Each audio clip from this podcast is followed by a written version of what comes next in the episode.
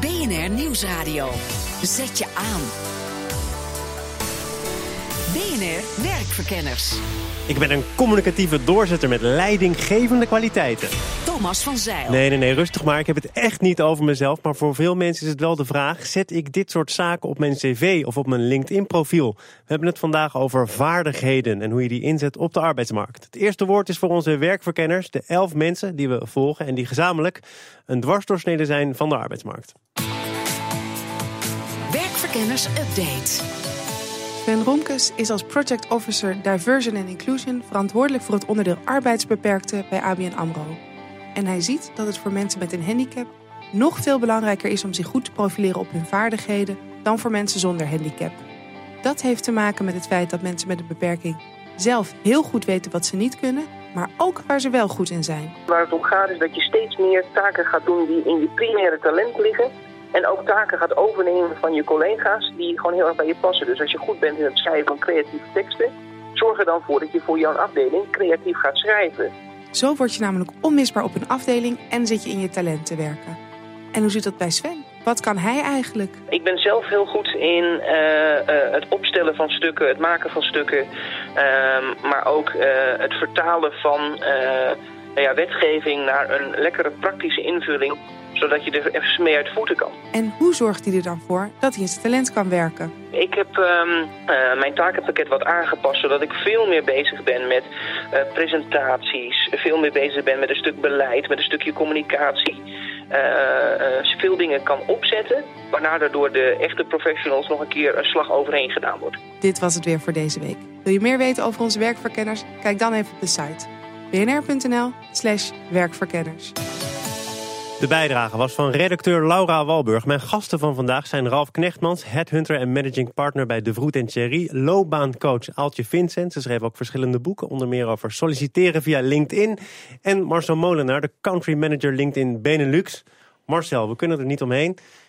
Uh, het nieuws rondom LinkedIn en de overname door Microsoft. Gaat dat voor jou en voor LinkedIn Benelux veel veranderen?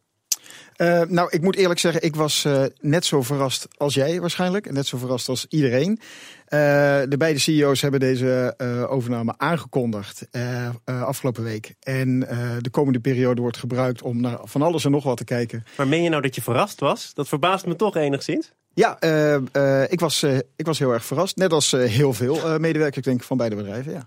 Uh, en je weet dus ook niet precies wat Microsoft en LinkedIn met elkaar van plan zijn. Nee, op dit moment is het, uh, is het alleen aangekondigd. En uh, op het einde van het jaar zal dat zijn beslag krijgen. En pas dan zullen we denk ik gaan zien of en wat er eventueel gaat veranderen. Dan over LinkedIn zelf en de vaardigheden waar we het ook deze uitzending over hebben. Hoe belangrijk zijn die op LinkedIn om die goed te presenteren? Nou, uh, die zijn uh, in die zin heel erg belangrijk omdat uh, het je professionele profiel is. Um, die heel duidelijk laten zien wat je kennis, je kunde, je vaardigheden zijn. En we zitten toch in een tijd waarin het niet alleen belangrijk is om te laten zien wie je kent, maar vooral wie jou kent en je herkent. En zijn dat dan die endorsements? Uh, dat is onder andere zijn dat endorsements, maar er zijn er heel veel onderdelen van je online profiel die belangrijk zijn op LinkedIn. Waar wordt op dit moment vooral op gezocht?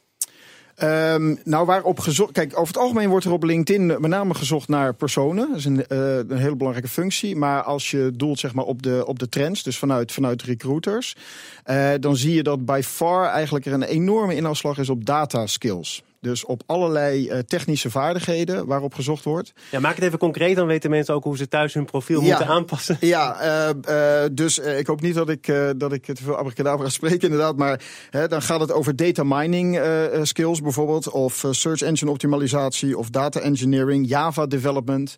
het zijn, zijn eigenlijk allemaal vrij technische skills. En dan zit je dus goed.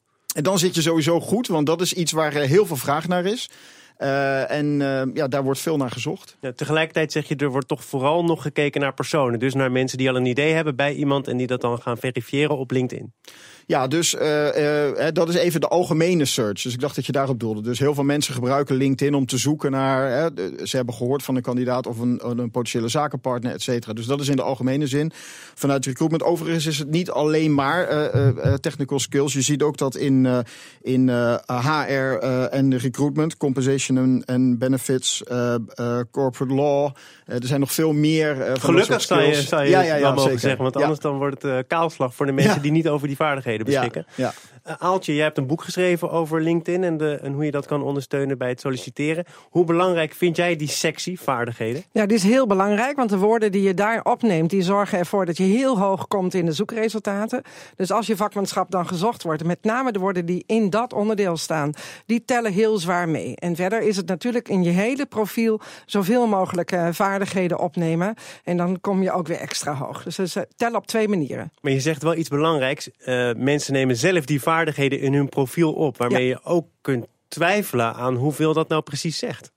Nee, ik ga er echt van uit dat mensen heel doelgericht zichzelf profileren op LinkedIn. En mijn advies is altijd dan neem dan een aantal vacatureteksten voor juist die functie. Hussel die teksten door elkaar, kijk welke woorden daar uh, overal in terugkomen die met het vak te maken hebben. En neem die op. En dan moet je ze natuurlijk wel beheersen. Daar ga ik vanuit. Als je dat maar vak je zei net zelf ook eh, zoveel mogelijk van die uh, woorden gebruiken. Ja, toch wel. Is dat ook hoe jij er naar kijkt, Marcel? Of moet je juist wat specifieker kijken naar hoe je jezelf in de markt zet? Nou, die, die woorden zijn heel belangrijk, omdat die inderdaad uh, bij het zoeken belangrijk zijn. Die zijn ook voor het algoritme belangrijk. We proberen toch uh, ook uh, op het platform zoveel mogelijk openstaande vacatures te matchen aan profielen. Het algoritme, daar is het weer. Dat is eerder voorbij gekomen in deze uitzendingen. Wat doet dat algoritme precies? Nou, dat algoritme kijkt dus naar die enorme hoeveelheid van, van potentiële kandidaten. Actief zoekend, passief zoekend. En kijkt naar die profielen en kijkt waar de match zit op die keywords. Dus dat is een belangrijke.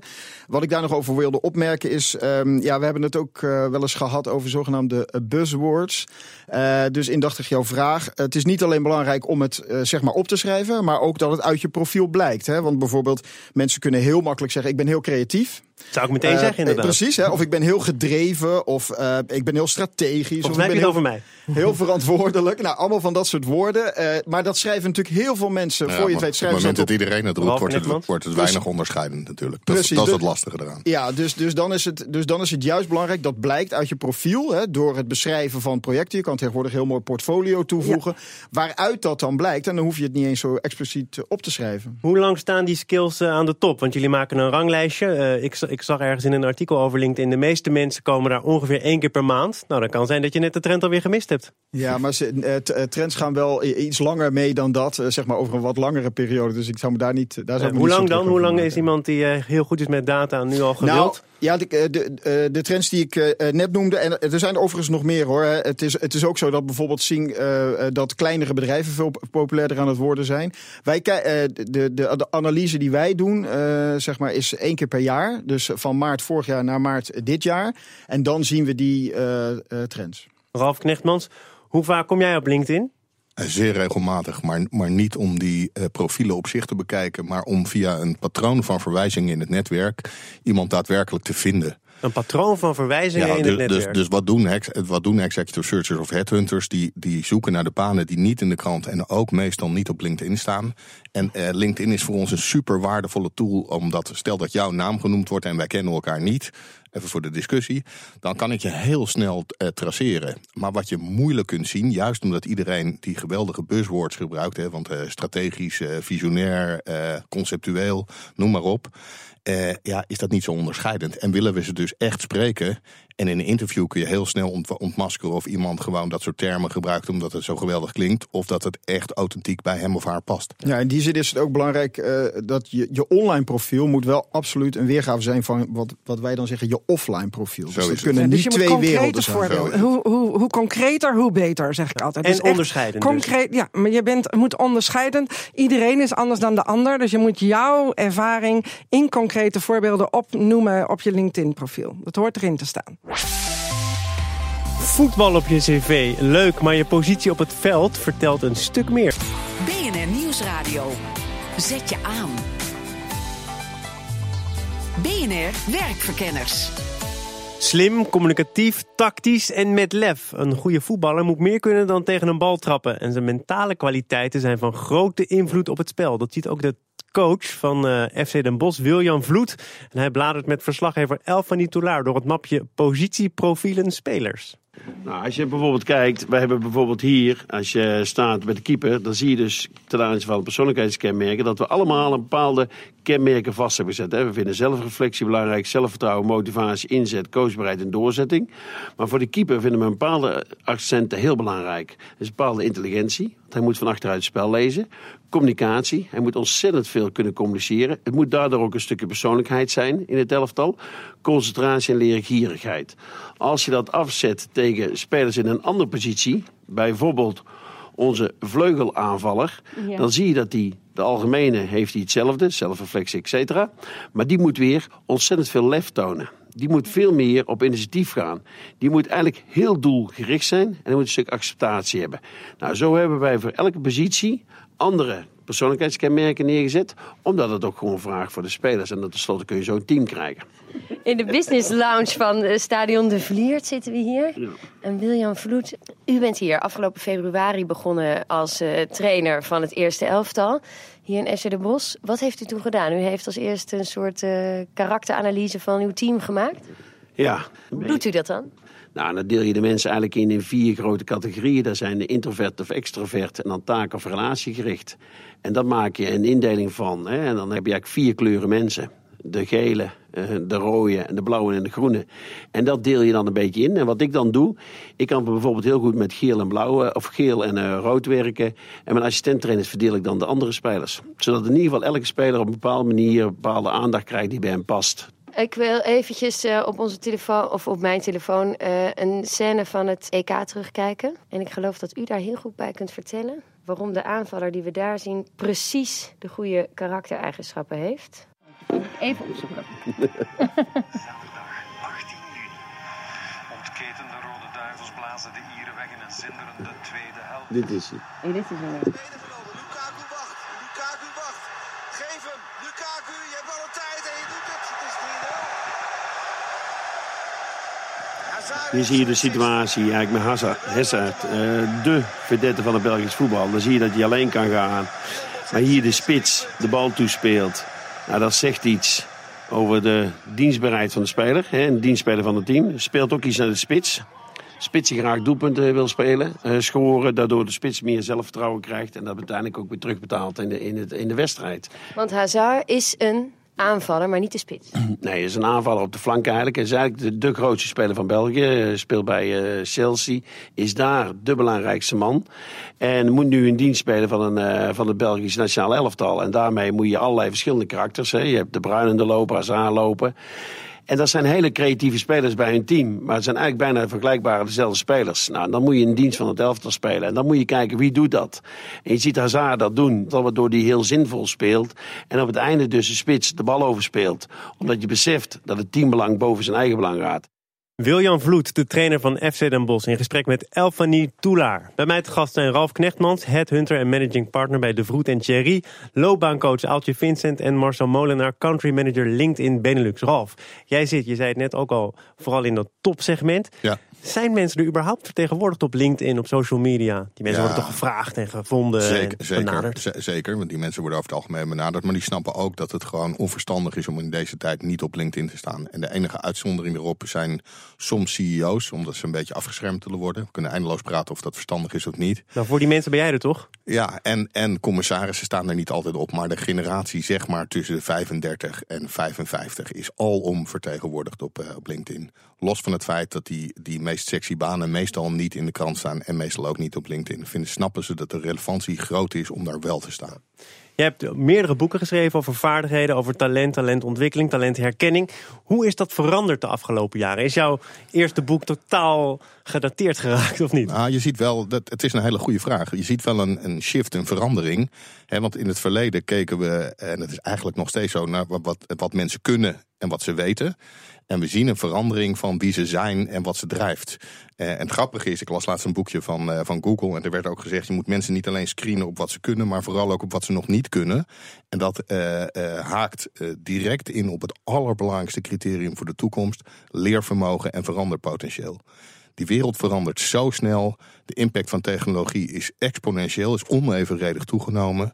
En dus zoek je mensen die eh, heel snel kunnen leren in situaties die ze nog nooit eerder gezien Maar hebben. toch vind ik het wel mooi geformuleerd. Je moet mensen uitzoeken op wat ze nog niet kunnen. Maar dat zou ik als werkgever toch niet doen. Nee, dat begrijp ik. Dat is eng. Dat is eng omdat je af moet wijken van datgene wat je altijd gedaan hebt. En dat is precies wat er gaat gebeuren in de nieuwe tijd. Maar waarom zou je het wel doen? Je, je kunt toch ook bouwen op iemands ervaring en weten wat je in huis haalt? Ja, en als kennis nou heel snel veroudert, eh, Thomas, wat doe je dan?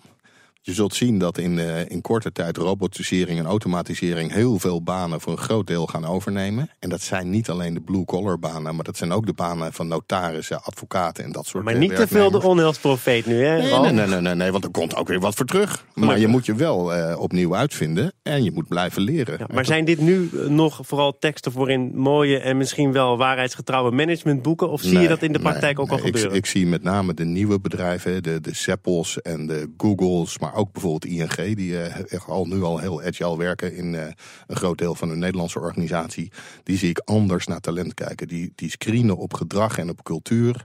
En eh, op persoonskenmerken, dingen als nieuwsgierigheid, leervermogen, aanpassingsvermogen, gaan een steeds grotere en hoe zet je dat goed in een profiel? Nee, ik had twee Aaltje. weken terug had ik eh, een CEO vanuit een eh, Europese hoofdstad met de trein naar eh, mij om te helpen met zijn cv en vervolgens met zijn LinkedIn profiel. En we hebben ongelooflijk benadrukt wat hij allemaal heeft neergezet in markten in Azië in transitie. En wat hij daar aan nieuwe dingen, wat hij daar aan innovatie heeft neergezet. En dat is dus gewoon leervermogen. En dat is verandermanagement. Dat, ik kan dus eh, eh, gewoon heel concreet verwoorden. Dit heeft hij gerealiseerd binnen twee jaar tijd. En het opstellen van een heel duidelijk portfolio dus. Ja, heb ik erbij genoemd. En, ik, ja. en, en niet te vergeten natuurlijk, er zijn allerlei mogelijkheden op het platform om ook eh, te laten zien zeg maar, wat je drijft en wat je doet. Zowel in de timeline, we hebben een heel mooi blogplatform. Eh, dat gaat eigenlijk ook allemaal mee in die analyse van, ja, van jou als eh, persoon, als professional. Dus eh, ook een hele belangrijke feature. Ik snap dat het in dit gezelschap eh, logisch is, maar zonder LinkedIn ben je volstrekt kansloos, hè? of niet? Helemaal eens. Ja, zeker. Marcel Molenaar eens. van LinkedIn is er ook mee eens. Ralf, je hebt al wat kanttekeningen geplaatst. Aaltje, ik kwam op jouw homepage tegen dat het aantal mensen dat denkt dat ze hun baan eh, aan social media te danken hebben op 4 tot 6 procent ligt. Ja, dat, dat is omdat die onderzoeksvragen zo gesteld worden. Maar dat is natuurlijk buiten, eh, dat is gewoon niet realistisch. Omdat heel veel mensen niet weten hoe ze uiteindelijk aan die sollicitatietafel terecht zijn gekomen. Dus je kunt ook een brief gestuurd hebben, maar dan toch, omdat je een hele goede update hebt geplaatst, omdat iemand op LinkedIn heeft gezegd, nou, eh, je moet hem zeker spreken, dat je daardoor aan die sollicitatietafel bent gekomen. Dus het zijn allemaal factoren die niet in één onderzoek zijn te meten. Dus in mijn optiek vinden veel meer mensen een nieuw werk via eh, social media dan dat zij denken. Laatste vraag ook aan jou, want als je dan to- toch op die manier probeert, moet je wel een goed beeld hebben van waar je goed in bent. Ja. En daar schort het nog wel eens aan. Hoe Daar komt schort dat? het aan. Nou ja, omdat mensen dingen die ze doen zo gewoon vinden. Daar, dat doen ze gewoon elke dag. Ze zijn er goed in. Dus ik propageer altijd: praat nou met mensen die jou hebben zien werken. Vraag hen ook waar je goed in bent. En vraag er dan ook meteen een voorbeeld bij. En dan moet je het ook nog durven te vertellen En dat je dan moet je het ook bent. nog durven te. Ja, nee, ik- maar dat moet zeker. Ja, en ik denk, en ik denk eh, tot slot wat ook nog belangrijk is, ik denk dat eh, mensen zich lang, zich lang niet altijd realiseren dat ze ook eh, worden vergeleken met andere kandidaten. En dan is het ook heel belangrijk om een goed profiel Je moet er bovenuit springen. Ja. Ik dank je wel. Marcel Molenaar, country manager LinkedIn Benelux. Ralf Knechtmans, headhunter managing partner bij De Vroet en Thierry. En loopbaancoach Aaltje Vincent. Deze uitzending zit er bijna up- op. U krijgt van ons natuurlijk nog wel de wekelijkse arbeidstips. Vandaag, hoe voorkom ik dat mijn werkgever merkt dat ik bij de concurrent solliciteer? Werktips. Tip nummer 1. Niks voorkomen. Gewoon lekker subtiel laten doorschemeren en daar je voordeel mee doen. Teamcoach Rosemarijn Dols. Laten zien dat je bij de concurrent wellicht eh, interessantere aanbiedingen hebt, interessantere mogelijkheden. En wellicht inspireer je je huidige werkgever om daar voor jou een aanpassing voor te maken. Tip nummer 2. Je zorgt ervoor dat niemand je sollicitatieactiviteit op je werk eh, kan achterhalen. Loopbaanprofessional Aaltje Vincent. Dus je gaat niet op je werk bellen, ook niet stiekem weglopen om een telefoontje aan te nemen, ook niet vanuit je werkmailadres mailen, ook niet als je normaal heel informeel gekleed bent, dan plotseling een dag heel formeel gekleed zijn. Dus je zorgt dat je elk spoor dat je anders dan anders doet, dat je dat eh, achterwege laat. Tip nummer 3. Zorg dat je schuilt in het licht. Leiderschapstrainer Manfred van Doorn. Soms is het gewoon handig om daar open over te zijn. Licht je werkgever in en uh, als hij vindt dat je dat absoluut niet mag doen, zit je misschien ook bij de verkeerde werkgever. En is het extra goed dat je bij de concurrent solliciteert. De tips verzameld door verslaggever Higo Kranten zijn terug te vinden op onze site. Dit was de uitzending van Werkverkenners. Volgende week dan zijn we er uiteraard weer. Check ons tot die tijd op werkverkenners.nl. Ook om zich te abonneren op de nieuwsbrief. Wilt u de uitzending nog eens terugluisteren? Dat kan op bnr.nl slash werkverkenners. Bedankt voor het luisteren en werk